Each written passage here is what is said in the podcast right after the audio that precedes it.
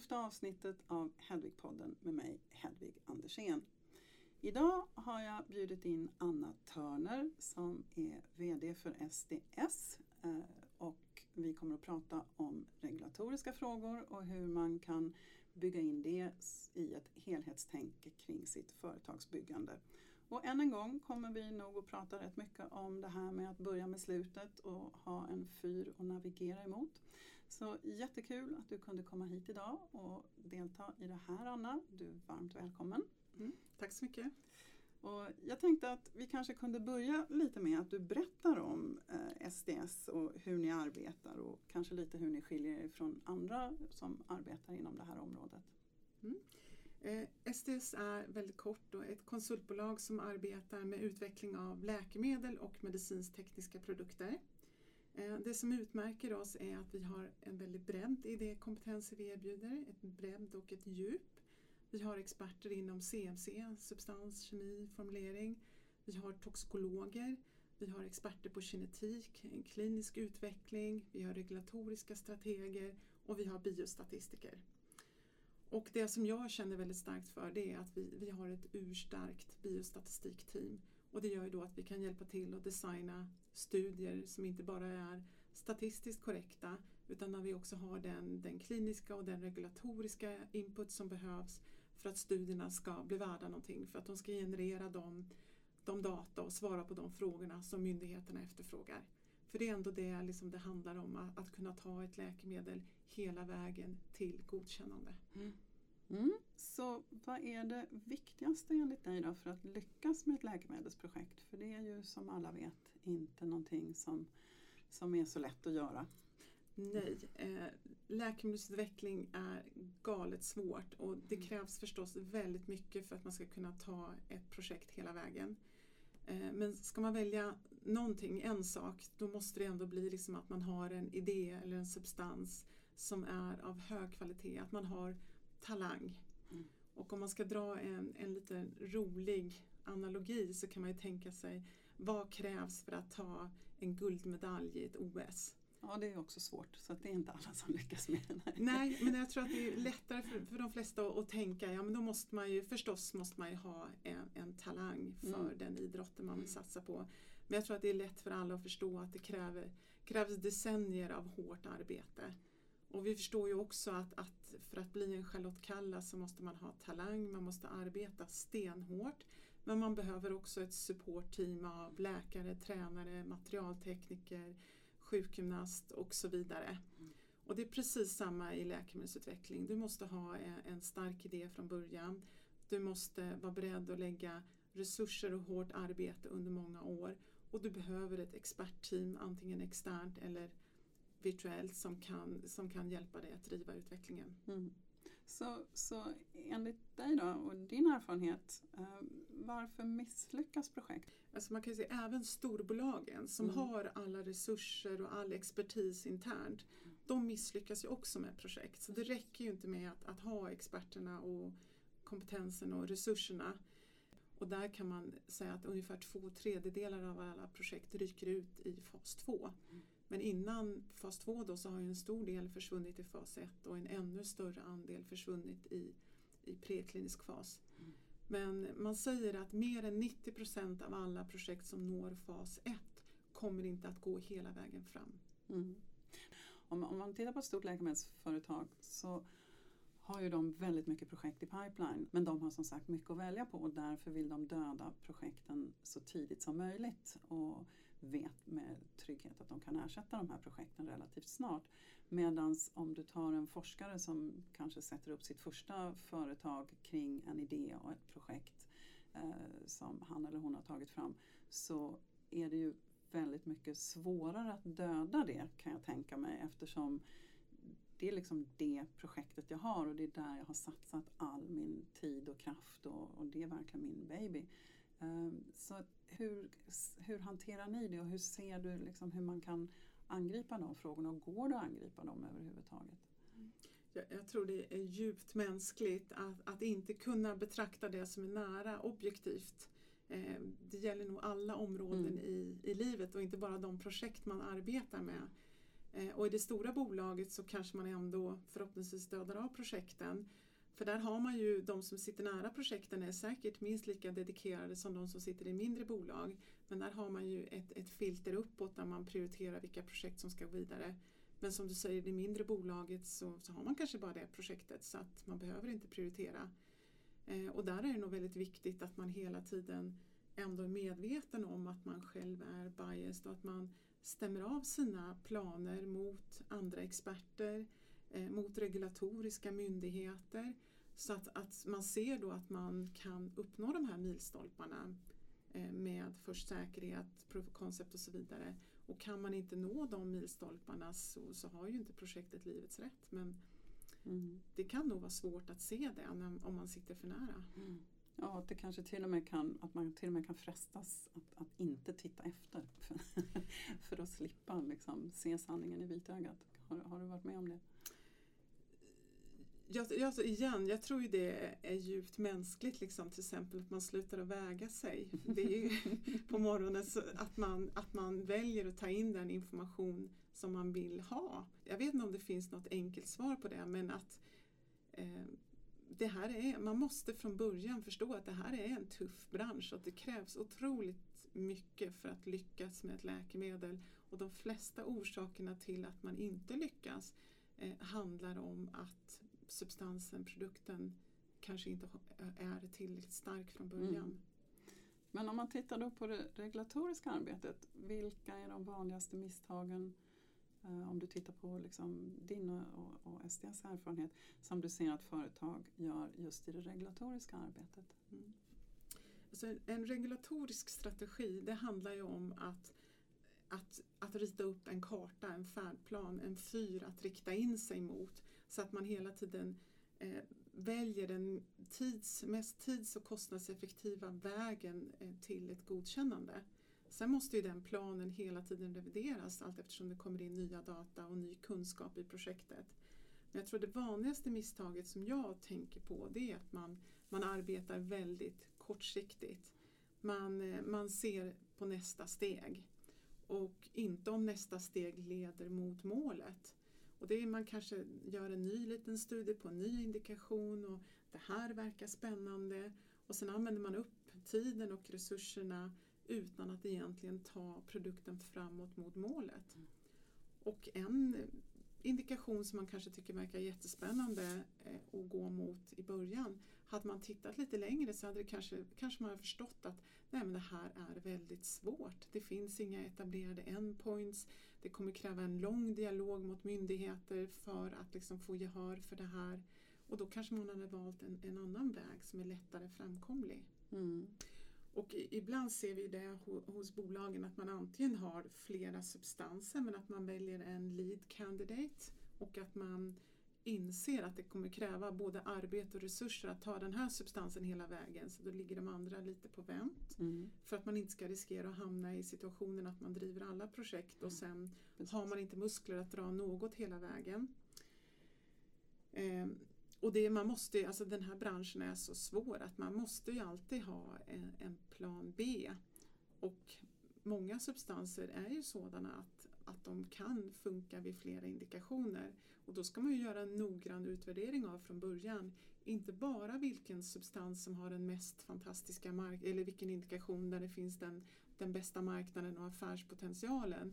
Utan en kombination av affärsmöjlighet och där det finns möjlighet att ta produkten hela vägen. Eh, man ska ju bara utveckla produkter där det, där det finns liksom ett anmätt medical need och man ser att det här läkemedlet behövs. Men det kan ju också vara så att orsaken till att det är ett jättestort unmet medical need eh, kan ju vara att, att det är väldigt svårt att ta en produkt dit. Och ett så kardinalexempel som ofta citeras är ju traumatic brain injury, alltså att man får en en, en skada i, till exempel i förbindelse med en olycka. Och så vill man då gärna se om man kan gå in med farmakologiska behandlingar för att, att minska konsekvenserna av det här fysiska traumat. En hjärnskada menar du då? Ja, hjärnskada. Mm. Till exempel att man, att man en motorcykelolycka. Mm. Och det man har sett är ju att det finns ju inga läkemedel som är effektiva vid behandling av TBI. Men det är otroligt många läkemedelsprojekt som har försökt att komma fram där och som har lagts ner. Och det har visat sig att dels är det, det är initialtraumat, alltså hur stor skadan är som har störst betydelse för hur det går för patienten vilket gör att man får väldigt stor heterogenitet. En annan sak är att, att det finns väldigt trubbiga instrument för att mäta effekterna av läkemedel. Eh, så det, det, är liksom en orsak till att det är ett område där det finns ett stort använt medicini. Det är väldigt svårt både regulatoriskt och farmakologiskt liksom, att visa att ett läkemedel har effekt där. För att ibland så kan det ju kanske vara roligare inom citationstecken att ta fram någonting som är väldigt banbrytande, liksom, lösa cancerns gåta eller något sånt där. men, men rent krast ur ett, ett ekonomiskt och, och liksom, eh, ett perspektiv som tittar mer på möjligheten att verkligen nå i mål, framförallt om du är ett mindre bolag, så skulle det kunna vara att liksom förbättra någonting som redan finns. Har du, har du lite tankar kring det? Mm. Alltså vi ser ju både projekt med jättestor innovationshöjd, nya substanser, nya indikationer, endpoints, dialoger med EMA och FDA. Och så ser vi projekt där man mer då kanske gör en omformulering av en substans som är på väg att gå ut på patent och så vidare.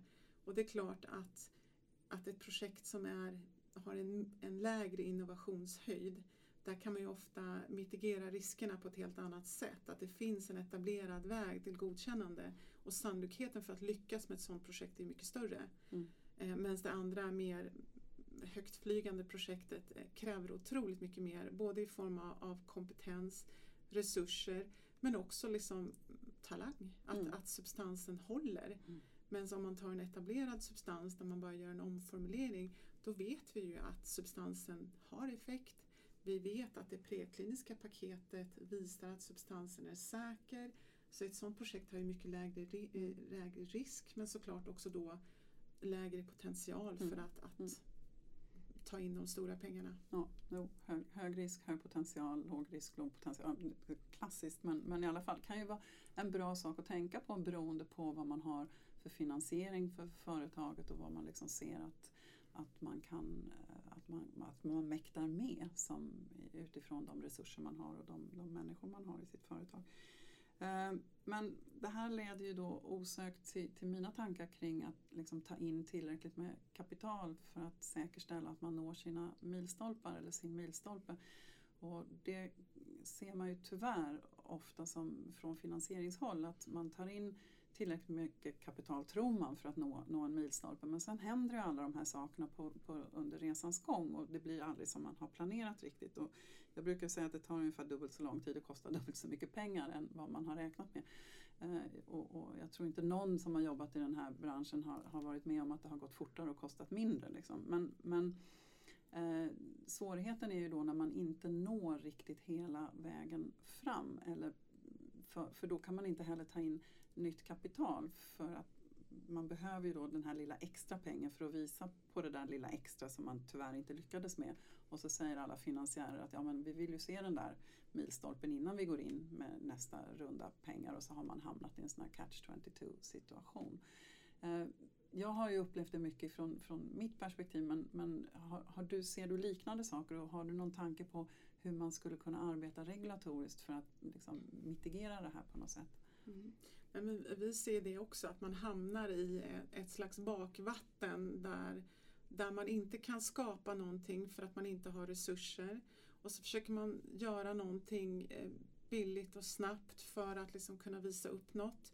Men eh, då håller inte det den kvaliteten som krävs för att man ska kunna ta in mer pengar. Så det är, det är en fruktansvärd klämma och, och det kan gälla även substanser som är väldigt lovande och väldigt spännande. Mm. För att, att man måste hela tiden kunna visa att, att man har skapat någonting för de resurser och den tid man har använt. Och därför är det ju så himla viktigt att, att göra rätt från början. Mm. Att det gäller att få ut produkterna på marknaden, att ha maximalt med patent kvar och så vidare. Så att det, det, det, det enda rådet det är väl att, att man från början liksom har en plan som man följer och sen då såklart reviderar så fort det behövs. Men att man ser till att man inte hamnar i den situationen att man inte kan leverera. Mm. Och också att man har en realism kring den, de resurser som krävs för att nå i mål så att man har liksom milstolpar med råge ur, en finansierings, ur ett finansieringsperspektiv så att man kan säkerställa att man faktiskt når milstolpen även med lite hack i plattan under resans gång. Ja, och hack i plattan blir det ju och liksom en av de stora sakerna är ju till exempel när man går in i klinisk fas och ska rekrytera patienter. Mm. Där är det ju ofta så att de som tillhandahåller tjänster med kliniska studier de är ju ofta lite optimistiska i alla fall för att få uppdragen. Mm. Vilket betyder då att de kanske angett en kortare rekryteringstid. Eh, och om bolagen då köper de rekryteringstiderna fullt ut så, så hamnar man i den situationen ganska fort att man inte håller tidsplanen. Mm. Ja, nej, det ser man ju tyvärr alldeles för ofta. Ja, jag hoppas inte det här låter allt för, för deprimerande för våra lyssnare att det är så svårt att ta sig fram men det är väl summan av det här är väl egentligen att, att göra rätt från början, se till att planera för att allting inte går som på räls utan att man måste göra, ha, ha en plan B för att kunna mitigera de eventuella misstag eller problem som kommer upp under resans gång. Eh, och, och, se till att man har ett, ett bra team på plats eh, som verkligen kan ge substansen, eh, i det här fallet då vid läkemedelsutveckling, rätt eh, förutsättningar för, för att lyckas och sen naturligtvis i botten ha en substans med tillräckligt vetenskaplig höjd och innovationskraft för att kunna ta den till, till mål. Jag tror att det är, är det en bra summering på vad vi försökte säga här idag? Ja, jag vill absolut inte vara, vara negativ men jag känner så att man, man kan tjäna så otroligt mycket på att ta den här extra tiden, lägga det här arbetet i början, att, att verkligen använda sin tid och sina resurser på rätt sätt. Och då kan man komma så mycket längre istället för att, eh, att gå i cirklar. Mm. Och få göra om igen. Göra om, göra rätt. Mm. Och, och då i andra varvet efter x år och x mm. miljoner då kontaktar man experterna för att få hjälp. Och då tänker man, ja men kom tidigare. Mm. Ta, ta den här hjälpen. För att det är svårt att vara både VD, affärsutvecklare, ekonom och expert på läkemedelsutveckling. Mm. Ja, nej, men som sagt, det är ju samma sak som jag brukar säga när det gäller finansieringsfrågor och hela den biten. Att, att uh, om man bygger rätt från början så slipper man väldigt många otrevliga överraskningar med felaktiga ägarstrukturer, osynkroniserade ägaragendor och, och massa annat som kan komma som tråkiga uppvaknanden när man inte liksom tänkte på det från början. Så att ha en, en bra kartbild och en, en eh, ja, ett, ett tydligt mål att navigera emot. Men jag tror vi slutar där för idag. Det var jättekul att få prata med dig Anna. Och med lite tur så kommer vi att återkomma till den här frågan längre fram och titta på fler aspekter utifrån den regulatoriska synvinkeln. Så tack för idag. Mm, tack Hedvig. Hej då och på återhörande.